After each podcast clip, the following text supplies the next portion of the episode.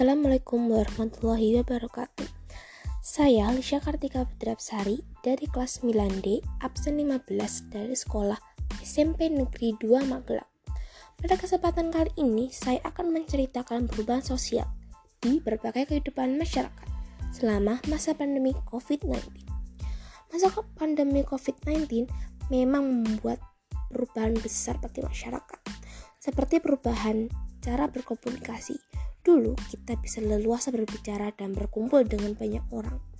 Namun pada masa pandemi sekarang ini kita tidak boleh berkumpul atau penyebab berkumpulnya orang banyak jika tidak ingin tertangkap oleh Satpol PP atau pihak berwajib. Tidak boleh melakukan kontak langsung mengganti salaman biasa dengan tersenyum, namaste jarak jauh, salam siku, dan salam dari hati, yaitu dengan meletakkan tangan kanan ke dada sebelah kiri, lalu membungkuk. Dari segi berpakaian pun banyak yang berubah, seperti dianjurkannya keluar dengan lengan panjang, wajib memakai masker, dan boleh juga menggunakan face shield. Ya, memang terasa aneh dan sumpah harus memakai masker setiap pergi. Tapi, ya mau bagaimana lagi memang harus dilakukan supaya pandemi ini berakhir dengan cepat. Gaya hidup pun banyak yang berubah. Contohnya, dianjurkannya berjemur di pagi hari untuk memperkuat kekebalan tubuh.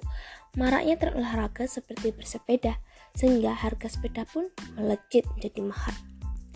Dan ketika pulang dari berbagian pun, kita tidak bisa langsung seenaknya terbahan di rumah. Kita harus mandi, harus membersihkan barang-barang yang dari luar, mengganti pakaian, mencucinya, tidak mencampur pakaian yang dibawa pergi dengan pakaian di rumah.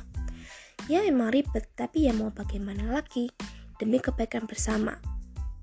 Bahkan anak-anak di bawah umur 8 sampai 9 tahun tidak, tidak diperkenankan keluar rumah karena takut jika anak-anak terserang COVID-19 ini karena anak-anak kecil sangat rentan terkena COVID-19 ini dan perubahan yang paling nampak adalah pada bidang pendidikan. Para siswa dan guru tidak dapat melakukan pembelajaran secara langsung, yaitu melalui daring. Menjelaskannya dan memberi tugas secara daring yang bermodalkan komputer dan HP. Bangun tidur, buka HP untuk mengecek tugas. Deadline numpuk, ya seperti itulah kehidupan daring siswa. Tapi banyak juga yang tidak dapat mengikuti daring karena kendala tidak memiliki HP atau laptop. Padahal mereka ingin sekali mengikuti program daring atau pembelajaran ini. Jadi kita harus banyak-banyak bersyukur jika masih bisa mengikuti pembelajaran daring. Para karyawan atau orang tua pun terkena dampaknya, yaitu melakukan WFH atau work from home.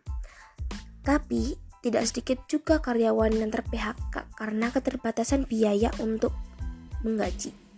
Para tenaga medis pun banyak yang berjatuhan karena meludaknya para pasien COVID-19 yang kian menambah. Seperti itulah perubahan sosial yang terjadi selama pandemi COVID-19. Ada pro dan kontranya, semua demi kebaikan bersama. Mari bersama-sama kita lawan corona ini. Bersatu kita teguh, bercerai kita runtuh. Terima kasih, saya Lisha Katika Putra Wassalamualaikum warahmatullahi wabarakatuh.